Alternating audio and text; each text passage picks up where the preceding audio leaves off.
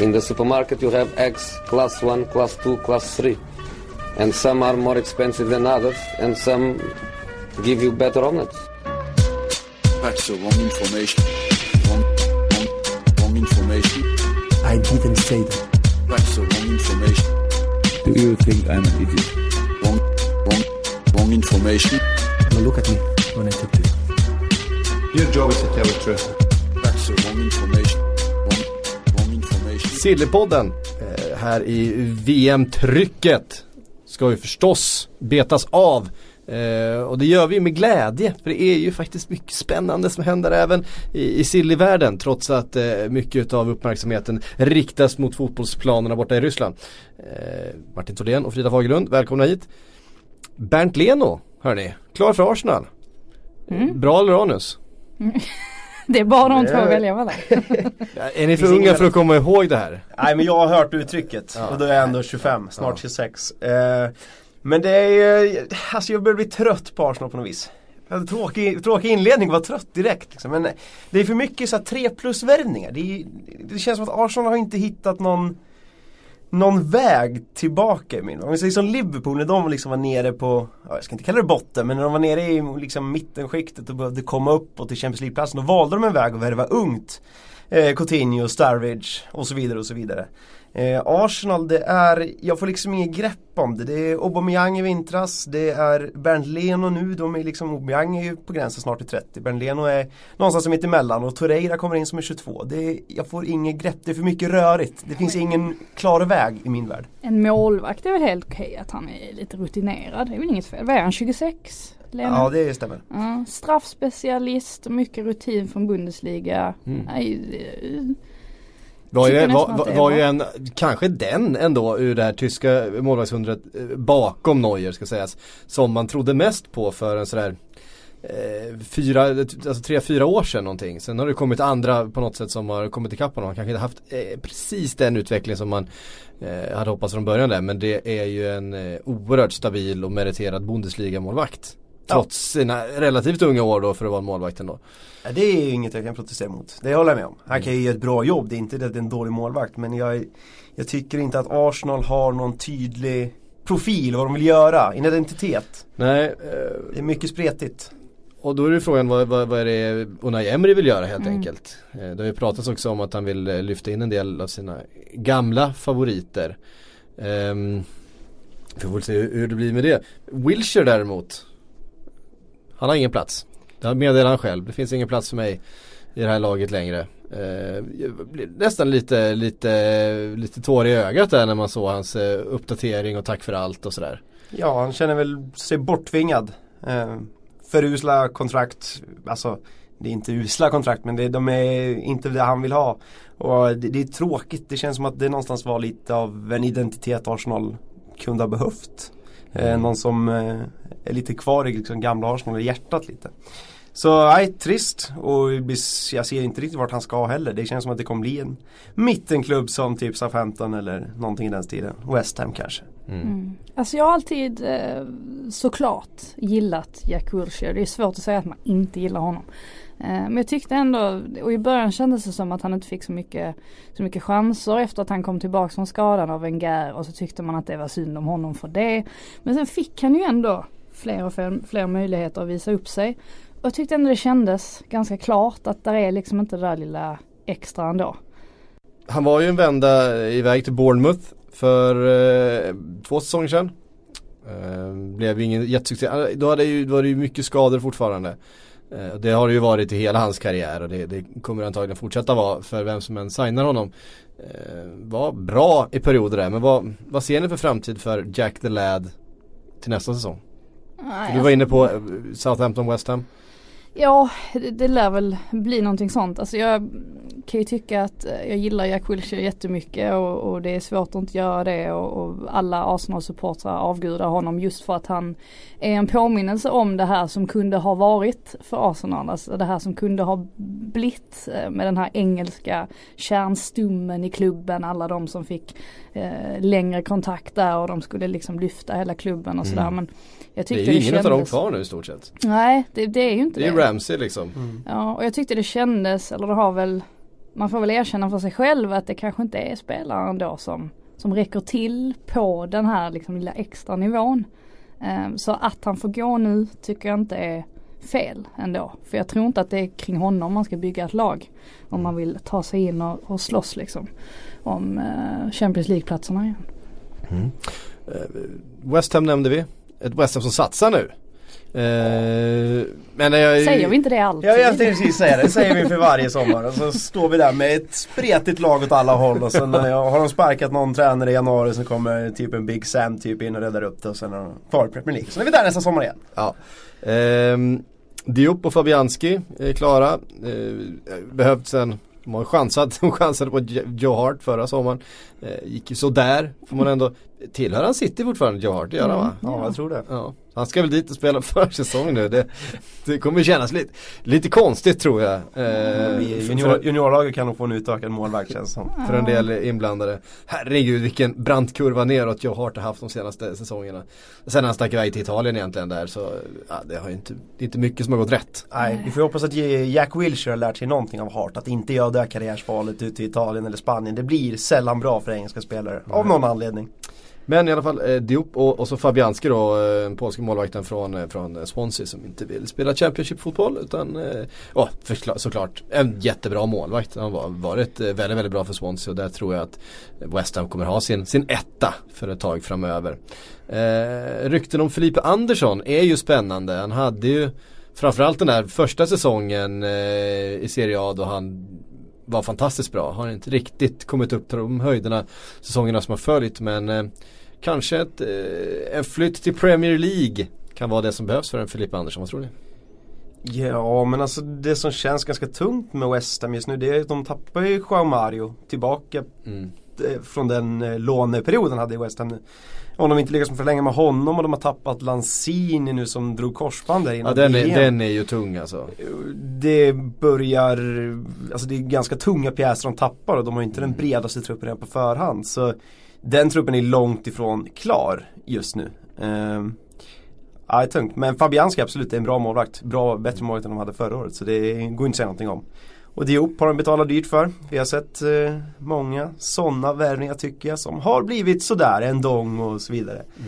Men eh, Det här känns ju bra ändå. ja men det gör det alltid med West Ham. Det känns Ja, alltid det- bra jag, sommaren. jag, jag, jag tror att jag har tippat dem för högt i tabellen. Alltså de senaste tio åren har jag nog satt dem för, högre upp i tabellen än vad de sen har hamnat. Det känns så. Det kanske är något undantag men eh, Ja det är Däremot Fabianski, jag vet inte, jag tyckte han hade en ganska usel säsong med Swansea nu. Men det kanske bara är jag. Jag tyckte han kändes lite fladdrig och lite så här att han Men inte... han är ju lite fladdrig men jag tycker ändå att det är en, det är en målvakt som ändå kan rädda poäng. Ehm, Ja, jag tycker väl att det är ett uppköp från Hart, och, det de hade förra Hart och Adrian. Men eh, Ja. det är inte så att han kommer ta till något Europa League eller topp 4 Nej, på, nej. på egen Nej, hand. Det är nej, inte det där vi han inte snackar. Men eh, ja, han kanske kan rädda dem från att åka ut. Mm. Jag tror vi snackar där nere faktiskt. Jag, jag tror inte alls lika hårt på Western som många verkar göra just nu. Men som sagt, det är en hel sommar kvar. I alla fall en månad. Moy Moyes. Till, ja, Mm. nej. Nej det har de inte. Han fick gå, ja. Ja han fick ju gå, förlåt. Eh, Ehm, Men Arnautovic. de, de har ju Pellegrini. de har Pellegrini förstås. Och det, är en luktar ju flopp. nej det gör det i min värld. Tycker du det? Ja absolut. Jag, jag tycker det mesta luktar flopp med Western. Det är för spretigt. Det finns ingen identitet. Men har det inte att göra med i grund och botten att de har tappat sin identitet? De hade ju Jo. en ident- identitet fram till den här flytten. Det är ju då Precis. det har börjat kaosat Ja. ordentligt. De Ja, måste ju få alltså- ordning där. West Ham har ju varit en kaosklubb Typ så länge jag kan, kan minnas. Alltså det, det är, har ju varit, det har ju varit sånt stök där och det har varit så mycket konstiga beslut och det har varit sånt bråk och det har varit spelare som har, eh, när man väl får fram en Dimitri Payet, eller man får fram men man lyckas få en sån spelare till laget som eh, Ja men då lyckas man liksom inte utnyttja det på något sätt. Man får inga pengar för honom, man får inte liksom, man får inte någonting tillbaka för det. Man får en säsong som typ förstörs av att han bråkar sig bort från klubben och så får man mindre pengar än vad man eh, hade kunnat. Alltså eh, det, det- är liksom det typiska West Ham. Jag tror i och för sig att Pellegrini är en, han är ju en så meriterad och en sån rutinerad manager som har gjort så otroligt mycket. Ehm, så att jag tror att det är nog ett bra alternativ för dem. Men ehm, Men det är som du säger, tappet på Lanzini. Jag tror att de hade planerat eventuellt för att sälja Lanzini och finansiera en stor del av den här ombyggnationen. Eh, för de hade fått stora pengar från honom tror jag. Ehm, Det är en spelare som, om han hade varit hel, antagligen hade startat för Argentina eh, i det här VMet och, och haft ett enormt skyltfönster för eh, en storflytt i sommar. Jag tycker han har den nivån i sig. Nu ett korsband, det är liksom Ja, det, Ja, är, alltså, det, är ganska, det är ganska, stora planer som grusas både för honom och för West Ham tror jag. Ja, och de hade väl redan i fjol ligans mest ofärdiga försvar. Och nu har de ju börjat lappa ihop det med målvakt och Diop mittback. Men eh, det är fortfarande en kanske mittback till och eventuellt en högerback då Sabaleta blir inte direkt yngre eh, över den här sommaren. Så ja, jag är inte så positiv just nu. De jag vet, kanske- har en dålig dag jag vet inte. De får kanske hoppas att eh, Mexiko fortsätter imponera. Kan de sälja Chicharito till någon MLS-klubb och så. Få in lite cash därifrån kanske. Mm. Ja, eh, eventuellt då. Eh, jag tror att en Chicharito i en eh, LA Galaxy till exempel. De har ju, Zlatan är ju inte designated player där så att de kanske har utrymme för Ja men jag tror nästan det är större chans att han går till Los Angeles FC i så fall. Ja, de, de är ju, Carlos Vela spelar väl där. Okej. Eh, känns ju som en ganska bra koppling. Han skulle ju vara enorm där alltså. Eh, Så mycket mexikanska eh, invånare i Los Angeles. Det, Han hade trivts. Vem hade inte trivts i Los ja, Angeles? herregud. Um, Sarri till Chelsea. Har ni hört den förut? Ja, Ja, det känns som att han varit på tapeten ett tag. Nu har nästan glömt bort det, men nu är den på tapeten igen. Ja, nu skriver då Daily Telegraph att eh, Sarri vill ta med sig, alltså det här kommer då bli på något sätt avslöjat efter VM för- och han då ska ta med sig bland annat Dries Mertens från Napoli till eh, Chelsea skriver Daily Telegraph. Som man kan välja att lita på eller inte lita på om man vill. Eh, Dries Mertens, är det vad Chelsea behöver? Eh, nej. nej men eller alltså så här, Du är på så bra humör Ja, jag vet Martin. inte vad som har hänt men det låter, alltså Sarri i till Chelsea, det låter ju spännande i sig. Ja. Eh, Mertens är ju kanon. men det, det jag inte undrar varför är han inte där redan? Det känns som att Sarri har ett sånt spelsystem. Det tog tid när det satte sig i Napoli. Mm. Varför är han inte liksom presenterad och börjar ja, Det kanske pågår hur mycket som helst i kulisserna, det vet ju inte vi. Att det kanske är några spelare redan klara på gång. Men Ja men alltså Mertens med tanke på det de har redan fram. De har Hazard, de har Viljan. Eh, och Morata är ju kvar där. Mertens, ja. Men är det inte det, alltså det Chelsea behöver nu, det är ju lite stora namn. Alltså de behöver ju någonting som pekar på att de vill vara med och slåss Mm. bland toppen. För Ja. att allt det grundar sig ju i om Hazard stannar eh, och huruvida, Mm. alltså jag menar sticker han, alltså vad, jäklar vilket hål. Då är man ju ännu längre ifrån att, att göra en, en bättre säsong än förra säsongen liksom. Eh, så att mycket mycket grundar sig nog i att, att man måste bara liksom få dit lite namn så kommer liksom resten att falla på plats. Men Mm. å andra sidan, jag tycker ju snarare att man kanske behöver en en ny Bakayoko tänkte jag säga. Ingen ny Bakayoko men, men däremot någon som Man behöver eh, plocka tillbaks eh, Ruben Loftus-Cheek från, eh, från Palace. Mm. Eh, och göra honom till den spelaren på den positionen skulle jag säga. Jag tycker han har varit, eh, var kanon i, i, i Palace. Gjorde ett piggt inhopp för, för England i måndags också. Okej, ska hänga upp hela framtida karriären på 10 minuter mot Tunisien. men, eh, men av det vi har sett från eh, Crystal Palace under säsongen tycker jag att han ser väldigt spännande ut. Han, Nej men absolut. Men det ligger ju också, alltså de ska bygga om det där laget från ett kontelag 3-5-2 Mm. liksom till ett 4-3-3 med, ja det är ju press och det är fart och det är mer Omöjliga direkt liksom. trianglar i full fart. Ja precis. Ehm, det känns som att det kan ta tid och det känns väldigt osäkert just nu vart allt det här ska ta vägen. Jag måste säga att ett, ett, mittfält med eh, liksom Bakayoko och Kanté och visserligen jag älskar Kanté, jag tycker han är en fantastisk spelare och så här Fabregas och jag vet inte, Drinkwater, vad har de mer? Det känns ju inte så sarri något utav det alltså. Nej. Ja, om man, ja, jag tänker bara på Napoli-lagen, då hade de ju sig Allan. Eh, en bollvinnare, den kan man jämföra med Kanté och Fabregas. Ja, Kanté ska man ju, han, han är ju först på Ja precis, och sen har de ju Fabregas som någonstans skulle kunna vara en eh, Hamsik typ. Men ja, det, det ska in mycket där för att det ska klaffa snabbt. Och Premier League-klubbar och tålamod är inte, de är inte bästa vänner alltid. Nej. Ehm, mm, mm, mm. Pjanic då? Pjanic eh, som uppges eh, trivas bra med tillvaron i Juventus. Men eh, sedan eh, Antoine Griezmann valt att förlänga med eh, Atletico Madrid så har Pjanic dykt upp som en prioriterad värvning för Barcelona som behöver få in spelare helt enkelt. De, det låter nästan på ehm, det är väl eh, Mundo Deportivo som skriver eh, att eh, Barca behöver helt enkelt förstärka offensivt på, på många positioner och man har tänkt sig att göra det här i lite etapper.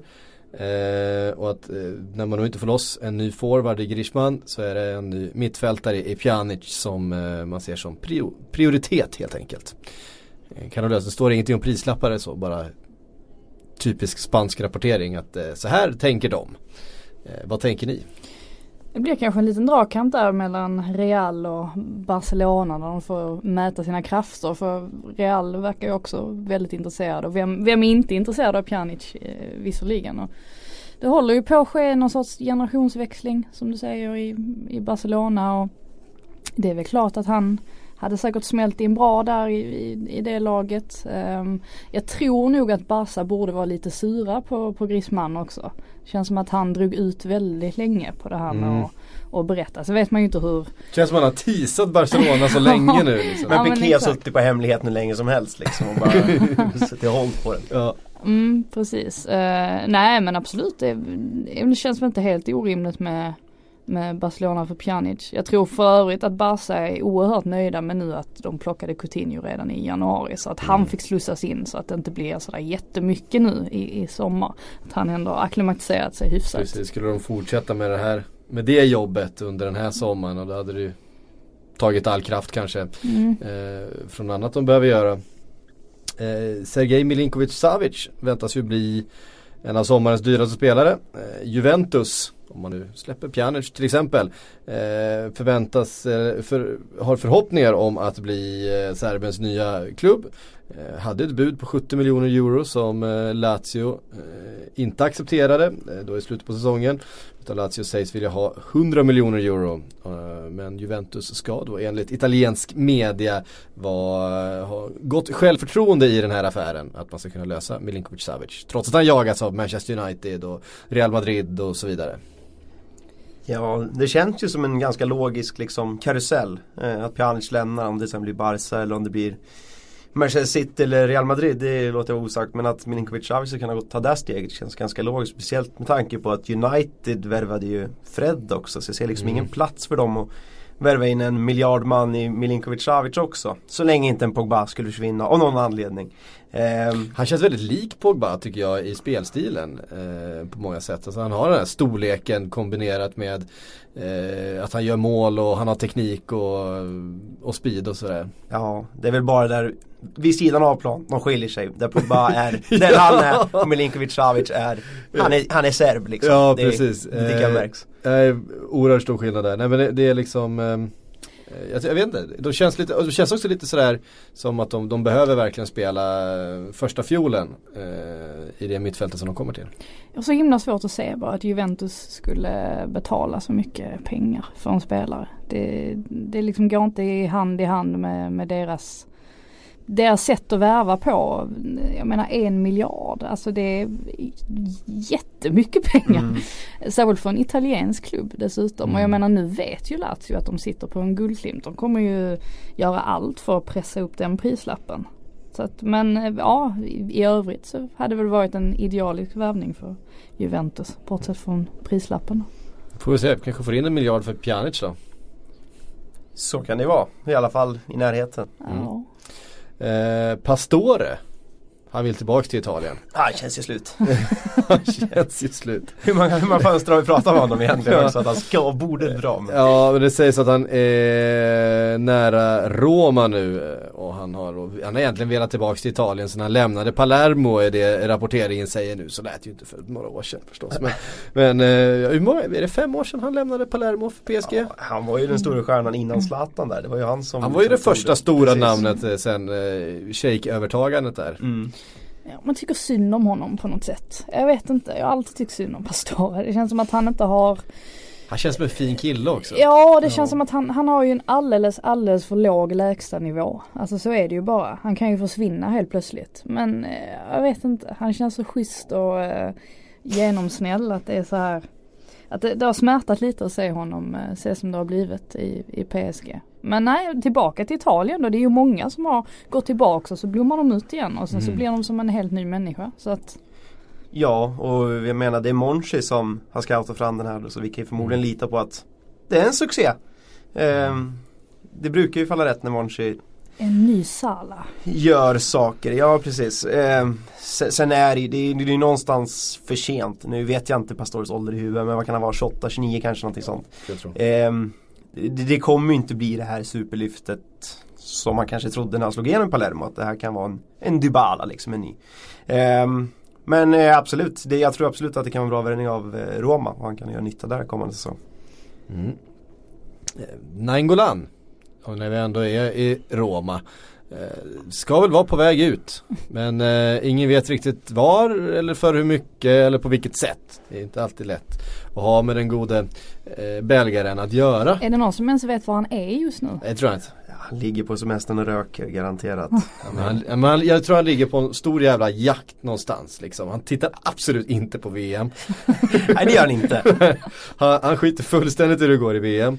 Han har ett, eh, ett stort entourage med sig liksom. Eh, rök, jag, tror inte han, jag, tror, jag tror han röker cigarrer, eventuellt några jävligt dyra så här, cigariller eller någonting. Eh, Ja, du tror det? Jag tror det är riktigt billigt liksom. Ja, jag tycker också han känns liksom. Ja, Nej det- det, det, nej, jag, eh, jag, jag ser inte Marble Gold. Ja men något sånt där liksom. eh, så jag funderar på vad han ska göra i sommar. Eh, Roma, ska han vara kvar där? Ja, det vore det bästa. I ju min värld. Jag, jag ser ju inte liksom klubben som ska plocka honom rakt ut. Vad, vad har vi, Chelsea. Vad, Chelsea. Eh, det har pratats om att Inter har varit sugna, eh, det har förstås en massa Kina-rykten. Eh, det har pratats om Chelsea, eh, att Sarri ska vara intresserad. Mm. Det var ännu mer snack när Conte var, var i Chelsea, alltså förra sommaren var det jättemycket snack, snack om Nainggolan. Eh, vet inte hur mycket av de Chelsea-ryktena som har dykt upp den här sommaren har varit sånt som har dammats av från, eh, från den kryddhyllan. Eh, från 2017 men, men eh, Ja, men du det känns fram... inte som att man ska bli kvar. Det känns inte helt orimligt ändå. Nej, när du lägger fram det så då, då klarnar det lite. Chelsea låter rimligt. Inter låter rimligt men det är väl ekonomiska problem där hela tiden. Mm. Och det ska ju till någon låneaffär varje gång det ska till en affär med Inter. Så. Om man fortfarande tänker på den här Hazard, liksom, det har också en koppling. Nangolan Hazard. Vi får hoppas de kommer överens bra, det har jag ingen aning om. Och Mertens. Ja, Och ju- Mertens. det är Alltså det blir en, be- en belgisk koloni där och så ta tillbaks Lukaku igen då. Och Ja. Courtois kritar på nytt. Ja, ja exakt. Eh, ja men varför inte Courtois som eh, vi ändå har fått frågorna förstås under VM. Det, de brukar ju normalt sett inte få göra så mycket intervjuer så här års spelarna. Det är alltid intressant vad, vad som händer när det är så här mycket transferrykten och så får de Ska de sitta och prata om någon VM-match eller eh, något annat mästerskap. Eh, och eh, ja de får ju svara ingenting på alla frågor hela tiden. Men det, det är roligt att höra alla versioner utav ingenting. Eh, som man får under de här presskonferenserna och intervjuerna. Eh, Courtois har sagt att han eh, får se till efter VM vart han befinner sig och sådär. Som så många andra har sagt. Ehm, Tyckte Hazard var rätt rolig, han fick ju frågan av L'Equipe tror jag det var. Och så inledde han med att säga, nej jag vill inte prata om det här nu, men. Sen drog han en lång utläggning om, eh, ja men det här och det här krävs, jag ska stanna i Chelsea, då måste de värva liksom bra spelare, de måste visa att vi kommer vara bättre denna säsongen än förra. Så att han, de vill ju ändå snacka om det, de fattar ju att det är ganska bra sätt att liksom, Jag tror att de har en lista med sig från sin agent och från sin, från sin PR-person. Så här, det här är eh, så du kan kommunicera. Det här är liksom, det här är vår PR-strategi för det här mästerskapet när det kommer till dig och din situation i ditt klubblag. Så tror jag alla de här stora stjärnorna måste göra. Jag tror att de måste sättas ner ordentligt. För att jag menar, du kan inte bjuda på, du kan inte bjuda på fel grodor liksom i sådana här sammanhang. För det blir för mycket ståhej. Eh, I ett sammanhang där du måste koncentrera dig och du ska tillbaka. Så det, sen blir det en försäsong och så blir det dålig stämning och sen ska du förhandla kanske om ett nytt kontrakt eller med en ny klubb och sådär.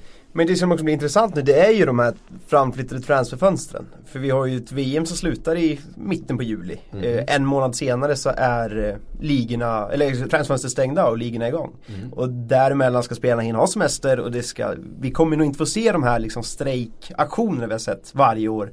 Varje sommar. Så det blir ju på någonstans, nå- någonstans ett litet nytt transfönster den här sommaren med förhandlingsläget. Jag tror det blir många som tar liksom flyget direkt från Ryssland till en ny klubb.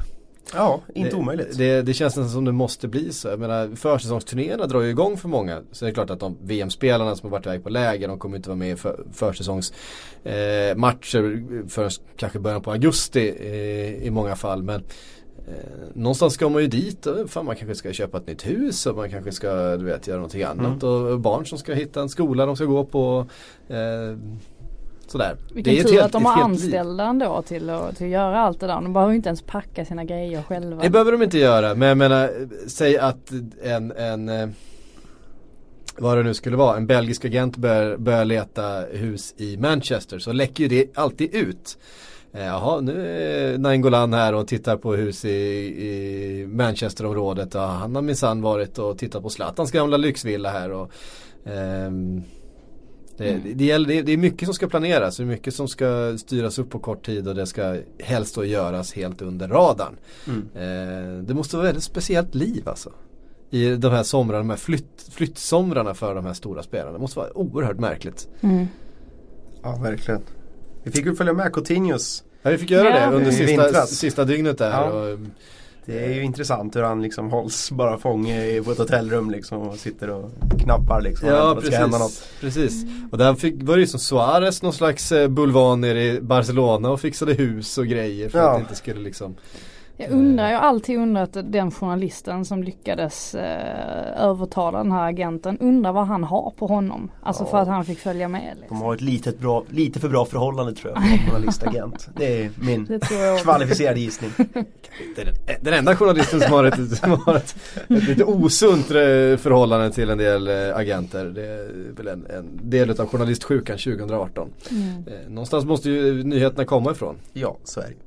Ehm, vi, eh, vi har sjukt mycket frågor så det, jag tycker det är lika bra att vi bara dundrar på med dem. Många av de eh, ryktena som ni undrar över har ni förstås ställt era frågor så vi tar det eh, hela vägen. Kevin Bader som vi känner eh, flera av oss. ehm, skriver nya rykten kring Thiago eh, Lopetegui. Säger man så? Alltså jag, tycker, jag tycker aldrig att, det, att det rullar bra det namnet på tungan. Lopetegui. Lopetegui. Lopetegui. Ja, det Eh, känns ju för ringa Simon Bank. Det känns som att han kan alla de här namnen uttalas. Ja. Så, Så är det ju. ja. Ehm, vill ta Thiago till Real Madrid. Vad tycker ni om det? Det kännas lite eh, märkligt att se honom i Real Madrid liksom. Men ehm, eh, sen vill Bayern ha fem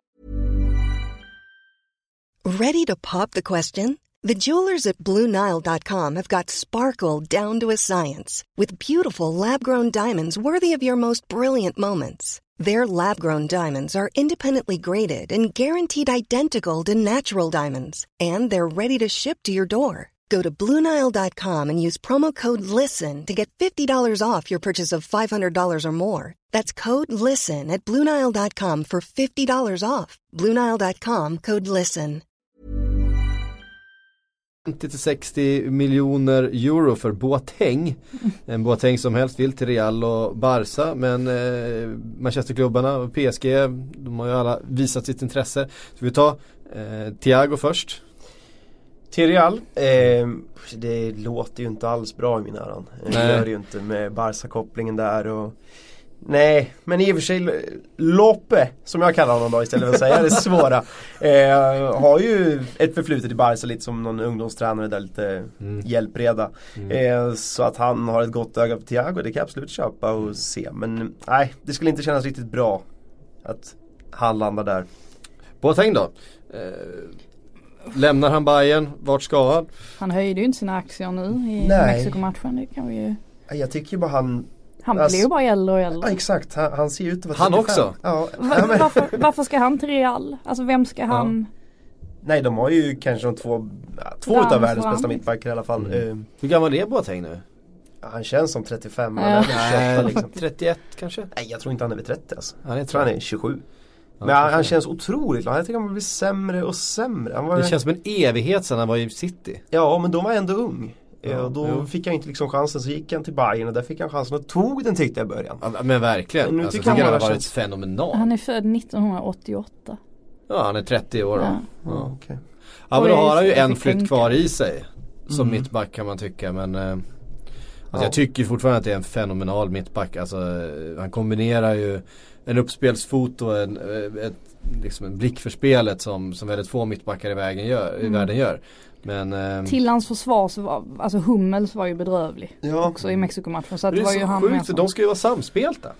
Ja, Hummels var som att han, han förstod inte ens att han var mittback. Han trodde fortfarande att han var Men det kändes som att de hade ingen kemi tillsammans just i, i, eh, i, tysk, alltså i, i matchen mot Mexiko. De, de, de låg helt fel ofta liksom. Eh, Det, känns som att de spelar tillsammans i klubblaget, de borde ha koll på varandra. Man vet att ja, men, om Hummel stöter där, ja men då faller jag in. Alltså, så här, alltså det borde vara lite intuitivt efter de säsongerna som de har haft tillsammans. Men det är klart, det har varit mycket skador och det har varit mycket annat och det har varit, kanske inte fått den där eh, riktiga eh, rytmen och harmon- harmonin som man hade kunnat förvänta sig.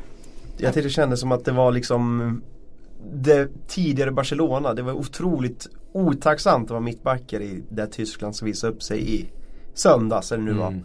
Eh, de lämnades ju ensam gång på gång mot liksom tre mexikaner som bara kom i flygande fart. Så det var inte lätt. Eh, äh, Tyskland var naivt på denna vis. Eh, fel Det är, en, informerade. det är någonting som är fel också när Özil är ända nere i eh, straffområdet och försvarar. Då vet man att det är någonting som inte det står var ju ett rätt. briljant försvarsspel det också. Det kunde man Ja, det, är inte, det är ju inte hans, hans, hans, hans främsta kvalitet, det är, det är inte det. Lozano bara rundade Ja. liksom. Inget. Man får två val. Hur tror du Özil agerar här? Det är ganska lätt. då. ja. ja herregud. Han lär inte starta mot Sverige. Eh, måste bli Marco Reus. Måste bli Marco Reus Ja. i den matchen. Har vi fått oerhört mycket kritik också Löv för eh, att han inte har spelat Reus som har varit väldigt formstark eh, inför VM här. Eh, Emil Manninen skriver efter första omgången, vem tror ni blir sommarens James? Golovin och Lozano ser ju verkligen ut som två heta kandidater. Nej, Osaka.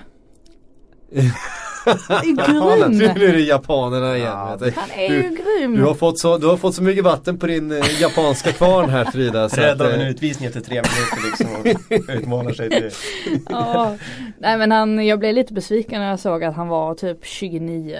Eh, jag tänkte hade han varit lite yngre Mm. så hade han kanske, för satan vad han jobbade. Jag menar Ja, vinna luftdueller mot Davinson Sanchez. Och, ja det är inte, det är inte fy skam. nej.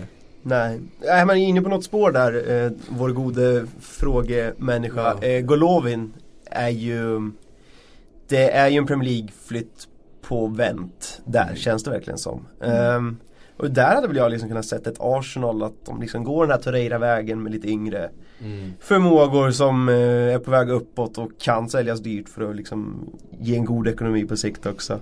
Ehm, De han har även lite. Ja och det, jag såg någonting nu att hans mamma eller det var hans pappa som har läckt att han börjat ta engelska lektioner och sånt där älskar vi direkt. så, ja, där finns någonting ja. Eh, också en sån här grej som brukar vara Vad händer nu? Nej, Cristiano Ronaldo har gjort mål. Jaha, igen. Portugal. Eh, där ser man. Eh, Men eh, jag, vet inte riktigt om Golovin kanske är den där James liksom. Nej, där, där, Jag tycker att Lozano har större James potential egentligen. Ja. Eh, För han har helt rätt ålder tycker jag. Han är 22 år gammal. Mm kom också ut och det klassiskt eh, att Mexikos förbundskapten han, han, han stöttar Lozano inför en eventuell Premier League-flytt i sommar. Men det är också det där, han har spelat i i PSV och gjort det jättebra i PSV. Han har varit väldigt, väldigt uppskattad och väldigt bra och, och man tycker där har man sett liksom en stjärna länge. Men ingen litar ju på vad någon gör i Eredivisie längre. Det är ju ingen som tar det som någon slags intyg på att en spelare är klass för att den är bra i Holland.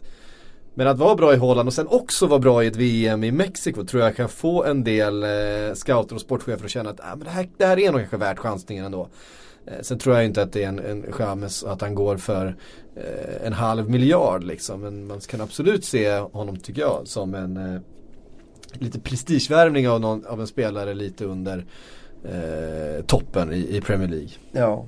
Ja men jag gillar ju honom redan för det känns som att det är en tänkande fotbollsspelare som inte Det har ju alltid varit rykten om liksom United, Liverpool Man vet aldrig hur mycket sanning det varit i det men det blev ändå Från typ Pasucha eller nu var i Mexiko till Mm. PSV Eindhoven eh, Och det steget är ju inte jättestort, du kan lätt ta en startplats istället för att börja uppe i Mm. toppen utan ta ett mellansteg Så jag kan ju un- unna honom en eh, stor flytt, det vore kul Ja. eh, Det kan han vara värd Men tror att det blir någon av de absolut stora. Tror sk- skulle ett liksom jag vet inte, skulle ett Arsenal till exempel, skulle ett Liverpool kunna gå in, skulle ett Eh, jag vet inte. Tottenham känns som de ska, kanske skulle kunna behöva lite speed på kanten eh, i tillägg till Heung-Min Son. Jag tycker inte Liverpool känns helt orimligt ändå. Och med tanke på vilka spelare som de har tittat på nu. Alltså fall i fall de inte lyckas lösa Fekir. Så har det ju snackats om Shakiri och så här. Då kan jag tycka det är ju bättre att ta en, ta en ung spelare då som, som har framtiden för sig. Shakiri vet vi ju kan göra en bra match och sen liksom bara springa runt och sura en hel annan match. Alltså, Den stora röda helt- ballongen. Jag kommer, jag kommer aldrig, den, den, den, den sekunden då jag trodde att David Fjell kallade Shakiri en stor röd ballong. Det var, den är för evigt inbränd i min hjärna. ja samma här faktiskt. Ehm, ja, nej, eh, Goloven Lozano, bra, Ja, bra shouts för, för en, för en. Sen Ja, så- efter en kvart i Uruguay så var jag övertygad om att Rodrigo Betancourt skulle bli den kommande stora, att han skulle bli en stor stjärna. Men eh, 75 minuter senare så hade jag vet den tanken. Så jag, nej. Ja. Vi vi landar i Golovin och Lozano. Mm. Jag vill igen, återigen slå ett slag för eh, Ismail Assar i, eh, i Senegal. Som spörjade på vänsterkanten eh, igår och var väldigt, väldigt bra. Han har precis fyllt 20. Eh, jag tycker han kombinerar, jag har kollat på honom i, i matchen för han är, han är nästan 1,90 lång men han är ju typ snabbast av alla på plan. Och fysik och alltså ett, ett monster på kanten där. Alltså verkligen en, en, en ytterlöpare. Snabb som få men ändå så stor och stark och, och teknisk. Han är, eh, han är intressant. Jag tror att eh, En El Hadji Diouf med hjärna kanske? ja, för vi vet hur en El Hadji Diouf helt utan hjärna ser ut. Man vill, ju nästan, eh, man vill ju nästan gå ut och kolla sen på Hakim Ziyech. Ja, ja just det. Han är också lite spännande. Också en sån där Eredivisie-spelare Mm, som absolut. man aldrig ser annars. Pia Karlsson skriver, eh, kommer det fortsatt vara omöjligt dyrt för de engelska lagen att värva av varandra? Typ Zaha värderas närmare miljarden. Och det är klart att det är dyrt. Eh, sen så tror jag att Zaha eh, i stort sett är värd de pengarna. Han är ju otroligt bra tycker ju jag. Men, eh, men det är klart att det ska finnas en köpare också när man sätter de prislapparna. Alla spelare i världen kan ju inte kosta en miljard för att det är ganska få klubbar i slutändan som har eh, råd med det och som har, ska ha plats för alla de här spelarna. Nej och det vet ju Palace också. De vill ju inte släppa honom. Och då gäller det väl att sätta en rejäl prislapp så att man avskräcker typ samtliga klubbar. Ehm, jag tror att för att en spelare ska kunna gå från en inhemsk klubb till en annan så krävs det nog väldigt mycket att han själv vill det. Och att man kanske sitter på ett kort kontrakt eller att man inte har så lång tid kvar och sen så vill man få ut lite, lite profit på, på övergång. Alltså det är sådana saker som krävs idag tror jag. Mm. Alltså annars så, så är det inte mycket att för en miljard, alla kan ju inte kosta det. Nej det är lite det jag Och menar klubbar också. är ju mer sådär nu att om de, liksom, de siktar in sig på en spelare och så ska de ha honom till, till varje pris. Så det är klart, skulle det dyka upp en klubb Alltså nu United känns ju, känns ju inte riktigt rimligt att han skulle gå tillbaka dit men Säg att United skulle liksom göra upp en plan och bara vi vill absolut ha en sån spelare som Zaha. Då kanske de hade Mm. pungat ut. Men alltså nu Det känns liksom inte rimligt om det inte finns någon. Det är ingen spelare man köper på måfå och sådär. För Nej. sådana summor. Jag hade älskat Zaha i Liverpool. Jag skulle, ja. Alltså att ha det alternativet till, till de tre som eh, finns där fram. Men eh, jag tror också att, jag tror också precis som han säger där, det är för dyrt. Det är för dyrt att köpa den typen av talang från en Premier League-klubb. Eh, för en klubb, även en klubb som Liverpool som har jättemycket pengar. Eh, och har en liksom sålt Coutinho för en och en halv miljard och skulle kunna betala stora pengar. Jag tror att det är för dyrt helt enkelt. Eh, att få loss en, en Wilfried Zaha. Men man kan då istället köpa en, en Nabil Fekir för kanske 600-700 miljoner. Så ska man betala en miljard för Zaha. Ja, det, eh, sen tycker jag att han är fantastisk. Och det har ju pratats en del om Spurs till exempel då som eh, vill eh, förstärka sina Kanske, det är den där avs- Cissoko-rollen som de, som de behöver göra om och göra rätt. kanske avskräcker lite också när de ser att han misslyckades i United. Att han inte klarade av den flytten. Så blir man kanske lite sådär, ah, ska man verkligen chansa då och lägga så mycket peng- pengar på en spelare som uppenbarligen eh, inte hade psyket med sig den gången. Alltså har han det nu? Alltså det är mycket, många parametrar som ska vägas in också. Ja. Nej men Palace har ingen behov av att sälja liksom. De, har, ju- de får ju så pass mycket pengar med tv-avtalet att göra liksom. Så jag förstår ju att de värderar honom så högt liksom. 300 miljoner, 300 miljoner kronor gör ingen skillnad för dem. De måste ju ha en miljard för att kunna liksom ersätta en sån som Zaha med deras ja, mått mätt. Så ja, det, är- det är en tråkig utveckling men det är där vi är. Mm. Ehm, eh, nu, Melker Lundström skriver Augustinsson kopplas ihop med Fulham. Det var lite roligt för någon som heter Fulham News på ehm, på Twitter med jättemycket följare. där De hade en bild på Emil Forsberg när de presenterade den nyheten. Praktiskt taget samma. De hade googlat svensk landslagsspelare och tänkte att det kan väl bara vara en som är aktuell för, för, för Fulham. Ehm, eh, De är rätt lika ändå. Ja, de är inte helt olika, Nej, det är de inte inte. helt Absolut olika. inte. Eh, det kittlar ju till i magen skriver Melker. Eh, på vilka positioner förutom vänsterback kan Fulham behöva förstärka? Och där känns det ju framförallt som att de ska hålla i några utav, alltså typen Ryan Sessignon. Eh, försöka köpa loss Mitrovic. Jag vet inte, har de lyckats med det? Det var Nej. inte klart Det än har va? de inte. De har tappat sin högerback också, såg jag. Mm. Ehm, så Ja, Augustin som en Fulham. Är det dit? Är det verkligen? Det kanske är Cottage, det är väl mysigt? Ja, det är det väl i sig. Men det kanske är ett år till i Tyskland då som känns bäst. Han verkar också vara en väldigt smart fotbollsspelare. Jag- gillar det. Jag tycker de ska hyllas lite extra då och då. Ehm, han gör liksom sina klubbval baserat på att han ser att det finns en chans att spela. Och det är klart att det finns en chans att spela i Fulham. Så Sessignon vinns ju mest som vänsterytter. Ehm, Ja, han, kom- han har ju inte en framtid som, som vänsterback även om han började sin karriär där. Det tror jag inte. Utan han är ju ja, exakt. Jag tror att han i framtiden kommer vara en, nästan en playmaker. Eh, dra sig från kanten ännu mer in centralt också. Han har ju så otroligt bra öga, blick för spelet och teknik och ehm, Jag tyckte det kändes som att Werder Bremen slog ner det ganska hårt ändå. Det där ryktet. Att han skulle vara på väg bort. Det verkar som att de vill behålla honom. Och nu har de ju precis värvat Felix Beijmo också till, till andra kanten. Så jag vet inte, det skulle inte förvåna mig om Augustinsson hade ett finger med i det spelet. Ehm, så att nej, det var ju kul med två svenskar och en på varje kant. BP-polare emellan. Mm, precis. ehm, Bremen är en jävligt tråkig stad alltså. Man behöver en polare där. Det är, han tappade Usch. sin eh, danske polare där. Han drog ju till Dortmund. Delaney. sä- Så, jag kan säga att eh, Motell Krokodil utanför Bremen eh, vid någon slags lastbilsparkering. Eh, det är det deppigaste stället jag har upplevt utanför Centralafrika. det, det, är, det, var, det, var, det, var, det var så mycket ångest. Eh, För, för evigt förknippat med Bremen. Jag kan säga att om ni någonsin kör förbi Bremen på autobahn så ser ni den skylten. Motell Krokodil. Gasa alltså. Gasa. så jag förstår honom. Han kanske kör förbi där varje dag. Han kanske har det på vägen till, till träningsanläggningen. Och så, så, det var så mycket ångest. Jag måste ha hit en polare. Liksom. Ja. Där klarar inte det här. Ehm, nu fick jag inte med namnet på eh, den eh, som ställt den här frågan. Ber om ursäkt för det. Uh, får ta det någon annan gång. Eh, Fekirs agent öppnar för att det fortfarande kan ske en flytt till Liverpool. Tror ni personligen att Fekir, vart tror ni Fekir spelar efter sommaren? Lyon, Liverpool eller i någon annan klubb? Jag måste säga cred till dig Frida för att du sa när det var, kändes som det var helt klart med Fekir. Det var liksom, alla skrev det, det de var överens och vi, vi satt och väntade bara på att det skulle egentligen bli klart. Men då sa du jag har en känsla av att den här inte är så klar och att det här kommer dra ut hela sommaren och det här kommer bli en jävligt stökig övergång. Mm. Du fick Men rätt.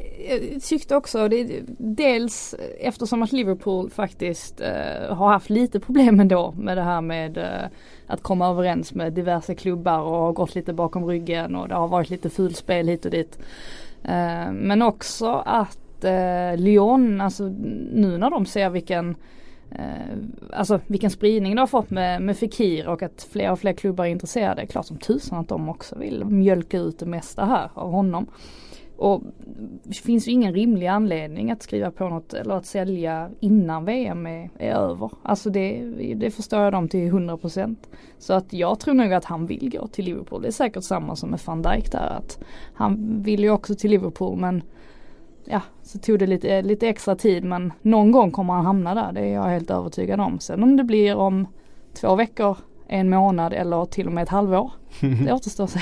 Ja. ja. Nej men det, är ju också det där att det, det känns som att när Klopp har bestämt sig. Det här är den spelaren jag vill ha. Måste jag vänta? Måste vi göra? Alltså du vet. Det har varit så här men Naby Keita och, van Dijk skulle han ha. Eh, ja. Naby Keita kunde, kunde de inte lösa, nu får vi vänta till nästa år. Van Dijk, ja men då tar vi det till januari. Alltså det är så här, vi tar inte in några alternativ till de här. Eh, Och det är ju det nya tänket Mm. typ. Alltså de här väldigt, väldigt rika klubbarna kan ju börja tänka så och jag uppmuntrar det tänket. Istället för att köpa in som typ United som bara köper in spelare för att de kan typ. Så köper man in spelare som passar i pusslet. Eh, Men frågan är hur mycket de kommer få betala ändå i slutändan. Det hänger nog lite på, eh, på målvakt också. Skulle jag tro. Pris, Mm. prislapp Ja det känns som att det är en prio för dem. Ja de har, de har en viss summa pengar och de måste, de måste få loss en Fikir och en målvakt De för måste pengarna. Spendera dem. Eller får vi se då ifall det är eh, Nick Pope-ryktet som har dykt upp. Om det liksom man har gått från Allison till Nick Pope på, på några veckor då.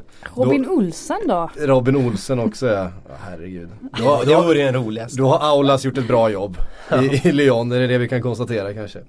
Ehm, Niklas Nerby skriver varför, väljer, varför säljer Arsenal Chesney för 10 miljoner euro för att två år senare plocka in Leno till dubbla priset? Plan eller bara dålig business? Det är det här jag sa från början. Det är ju noll tänk. Det är ju för spridning. Det är ju... Men nej men det... De trodde ju inte på Chesney. Nej, de hade ju inget förtroende i honom. Exakt, det var ju rätt att skeppa, om, skeppa honom i det läget de gjorde det. Ehm, men eh, att det är dålig planering eller vad nu frågan var, det, det, det är någonstans dit det vill ha kommit. Liksom. Det, det är för spretigt och det finns inget riktigt klart tänk som jag ser det i alla fall. Det är lite för mycket av varje.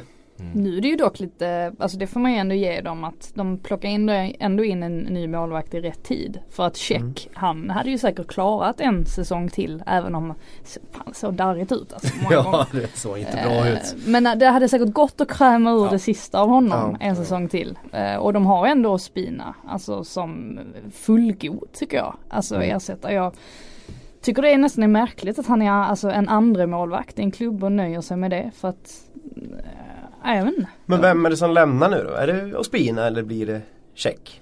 Jag tror det blir Ospina. Ja, och Spina pratades, eh, har, har nämnts liksom i, i Mm. flyttsammanhang. Inte check vad jag har sett. Eh, några rykten kring, hur gammal är han check nu? Han är han född 83? Måste vara 36 typ. eller något 82, 83? Sånt sätt. Han har inte jättemånga säsonger kvar i, i kroppen av vad man har kunnat se de här senaste säsongerna heller. Det här är en rolig fråga tycker jag, jag tog med den. Jag vet inte ifall, eh, ifall han trollar eller inte. Eh, Henrik Nilsson skriver, visst är Cheryshev årets James Rodriguez? Hur många miljarder kommer Real lägga upp för honom? Igen. Ja, det är ju det som är grejen med Cheryshev, han har ju redan tillhört Real i flera år. han han eh, spelade väl två tävlingsmatcher totalt eller något sånt där för dem. Spelade mest i B-laget och var utlånad till Han är ju uppvuxen i Spanien. Ja, Han har väl bara gjort det, det, det han är mest ihågkommen för. Att han fick ju spanska cupen på ja just det. Han var ju oregistrerad eller avstängd eller någonting och spelade Exakt. en match som blev uteslutna. Så Ja. revanschen, Cheryshes revansch. Tillbaks till, till eh, Real Madrid. Ja. Nej det kommer såklart inte hända. Eh, De, de kan honom eh, vid det här laget. Är han, är han rent av så här fostrad där? Eller kom han som alltså typ han, hans pappa 19-åring eller spelade ju, när hans pappa spelade ju i Gijon. Var det inte så? Eh, och så det var där, det var där han inledde, eller så han tillhörde ungdomsledet Mm. där. Sen tror jag bara han flyttade med sin pappa för att han spelade i ett par klubbar i, i Spanien. Men han gjorde i alla fall Castilla-karriären liksom och Just det. Real. Men, Han måste ju eh, varit där samtidigt med Markanen va? I, eh, i, i, i, i, i, Real, Wow. i Real Madrid B. Det kan han ha varit Ja, det är faktiskt. Ja. fantastiskt Men mycket han- har lärt sig där. Alltså. Ja. Men han var han är inte ens ordinarie i Villarreal i år liksom. Så, Nej. Men det, han gör ju ett skyltfönster för sig själv här nu. Tre mål på två matcher. Det, det luktar Premier League. Det, var inte, det var inte många som trodde det på förhand. Nej, nej, verkligen inte ryssarna nej. själv. Nej. Nej, han var ju het där ett tag för eh, kanske tre säsonger sedan. När han eh, låg liksom på gränsen till, han satt på bänken en hel del för, eh, för Real Madrid och hade lånats ut. Hade, var det, vart var det han hade varit utlånad då? Jag minns inte riktigt. Ehm, och gjort en bra säsong och kom tillbaks, gjorde en bra försäsong med Real Madrid. Han spelade rätt mycket då och eh, skulle iväg. Anledningen till att jag kommer ihåg det här för att vara Liverpool och en av klubbarna då som, som var eh, Förstås. starkast, starkast eh, ryktades till då. Blev det inte så. Men, eh, men då var det en hel del eh, spelare sen, sen så känns det som det bara har gått ut för. Och, ja, men han är 27, 28 något sånt där nu va? Så att eh, ja, han, han eh, det här är hans, det här är hans eh, veckor tror jag. Sen, sen kommer nog vardagen ikapp honom också. det är den känslan jag har. Det är lite samma här. Eh, Sheep undrar vad händer med Foden och Diaz i City? Eh, Phil Foden skrev på nytt kontrakt. Ja. Och det ska ju spelas lite med honom också. Han ska ju vara Ja. Han ska inte bli utlånad liksom. Utan Nej. det ska vara en truppmedlem. Ja, eh, det, han ska ha fått några eh, löften på något sätt från Pep Guardiola om att han ska ingå i, i, i planerna för den här säsongen. Diaz vet jag inte eh, hur kontraktssituationen ser ut. Alltså det, City vill ju inte göra en Jadon Sancho igen. Eh, inte våga satsa, ge ett, ett riktigt kontrakt till en ung spelare som istället då väljer att i Sanchos fall sticka till Dortmund och faktiskt spela sig in i startelvan där. Han har klämt sig förbi ganska många i det ungdomsakademin eh, för att eh, och gjort Gjorde en liten succé här precis i slutet på, på säsongen ju. Mm, men det känns ju som att Pep gillar Foden väldigt Ja, mycket. Absolut. Och det är ju eh, ganska bra om man ska få lite speltid. Och jag tycker alltså än så länge är det ju inte någon fara på taket för hans karriär. Men en säsong räcker ju lite grann med att bara få så här fem minuter hit och fem Ja. minuter Mm. dit. Sen måste han ju nästan börja tänka på hur han ska göra. Mm. För att vet att det är vissa som har sagt liksom, ja men det finns många spelare som har liksom eh, inte har tillhört startelvan eh, förrän de är 23-24. Ja men det funkar inte riktigt idag. Alltså idag krävs det att man måste få den här matchandet. Att man måste spela matcher för att utvecklas. Liksom, träna det kan, det kan du göra i vilken klubb som helst. Herregud de är så unga också, de har precis fyllt 18. Ja, men. Guardiola har ju ändå varit liksom bra på att spela in unga spelare i de klubbarna varit innan med Barca och Bayern. Så det kanske är Foden som är hans kommande lärjunge i ett Mm. storlag. Det är ju den känslan man har fått. Han verkar ju tycka väldigt mycket om honom. Han har ju fått spela lite grann i den, där det har funnits möjligheter för City under säsongen att, att slänga in honom så har han ju ändå blivit inslängd. Eh, så att säga. Men när man tänker på vissa spelare i City, ja men som typ Sané som man ser som, ja men given i startelvan, eh, mycket liksom mm, så här på sina axlar och ansvar och, och så är han bara 22. Mm. Alltså han är ju inte gammal. Nej. Nej. och det finns ju flera sådana exempel. Alltså de är inte jättegamla ändå. Trots att man, det känns som att de har så, de har så tungt ansvar att man tror att de är minst 25. Men, så det kommer nog, hans chans. Kan vi fylla på då med att eh, Liverpool eh, skrev ett avtal med eh, eh, Ryan Brewster. Som är nästan prick lika gammal. Eh, också med samma sak där. Han var på väg till Tyskland. Han var på väg att göra en Jadon Sancho. Bland annat så ställdes ju en eh, försäsongsmatch med, eh, med eh, nu får vi se så jag säger rätt här. Jag tror det var Mönchengladbach som var eh, inne och skulle Eh, försökte värva Rian Brewster lite under bordet och det gjorde Liverpool förbannade. Så att den försäsongsmatchen som skulle spelas mellan Liverpool och Mönchengladbach har nu ställts in. Eh, efter en del diskussioner så har då Rian Brewster eh, skrivit på ett nytt kontrakt för eh, nästa säsong också precis på samma sätt då med löften från Klopp att Eh, ingå i planen och få vara en del utav anfallsuppsättningen för Liverpool. Det är rätt gulligt ändå att alla storklubbar vill ha en sån här liten uh, ung lovande spelare som de liksom kan, kan visa upp så här, kolla här vad vi har på bänken. En Som engelsk ska göra det gamla talang. klassiska och bära koner och plocka in bollar. Och... Det är det han inte vet Brewster, det står inte i kontraktet. alltså, det var fint att få in den Mönchengladbach-storyn där, den, den höjde lite. Annars Mm. kände jag att det här kan nog landa plats i. Att man skulle nämna att han eh, har skrivit på ett kontrakt. Men Mönchengladbach-storyn, den, Ja, den kryddade till det. precis. Men vad, om man var bara flikar in vad har hänt med eller vad har hänt? Men Solanke liksom. Inför säsongen så eh, snackar man ändå lite om honom. Man trodde att han kanske också skulle få lite chanser. Men det känns som att han är helt avskriven från eh, Han har fått spela lite grann ju men inte Jo, sådär. men han, han eh, Det dröjde väl 38 jag, jag tror, matcher innan han gjorde mål. Vad sa du? Det dröjde väl 38 matcher innan han gjorde mål. Ja exakt, Ja, han hade lite, var- lite problem med målskyttet. Ja. Det satt ju en till slut. Ja. Eh, och det var ett fint mål. Men, eh, men eh, Eh, han, han har nog gjort det han har förväntades göra under förra säsongen. Så jag tror att han, han är med. Han kommer vara en del utav, utav planen för nästa säsong också, det tror jag. Till skillnad från Divock Origi som jag tror Klopp kände att han hade svårare att eh, eh, rent taktiskt styra så tror jag att Solanke är lite mer taktiskt påslagen. Tanken är ju att han eh, nästan ska vara liksom en ersättare till Firmino i förlängningen. Att, för han är ju inte riktigt en, en, en spjutspetsare utan han är ju mer en defensiv, lite, nästan lite playmaker ibland men också en eh, som ska ner och, och styra mycket av pressen. Och jag tror att man har fått känslan av att det är där Klopp håller på att utbilda honom mot. Eh, för att det är en svår roll eh, att, lära sig och det, Firmino är en väldigt udda spelare på det sättet. Att, att försöka ha en ersättare till är ju nästan omöjligt. Men där känns det som att det har varit Solanke som och jag tror att det kommer fortfarande, fortfarande vara Solanke som är alternativet där. Faktiskt. Ehm, Kristoffer Larsson skriver, ni borde gå all in på att Boro är nära att värva Paddy McNair från Sunderland. Gamla United-talangen. Eh, hur gammal är han vid det här laget? Han måste väl vara uppåt 25 nu? Ja, det är den gamla klassiska United till Sunderland. Det har ju alltid varit den och nu alltså vidare till Middlesbrough. Ja, vad vill att vi ska gå all in på? Vi ska hylla honom eller vi ska sänka honom eller vad? Karriärerna som aldrig lyfte, Paddy McNair. Check. Check.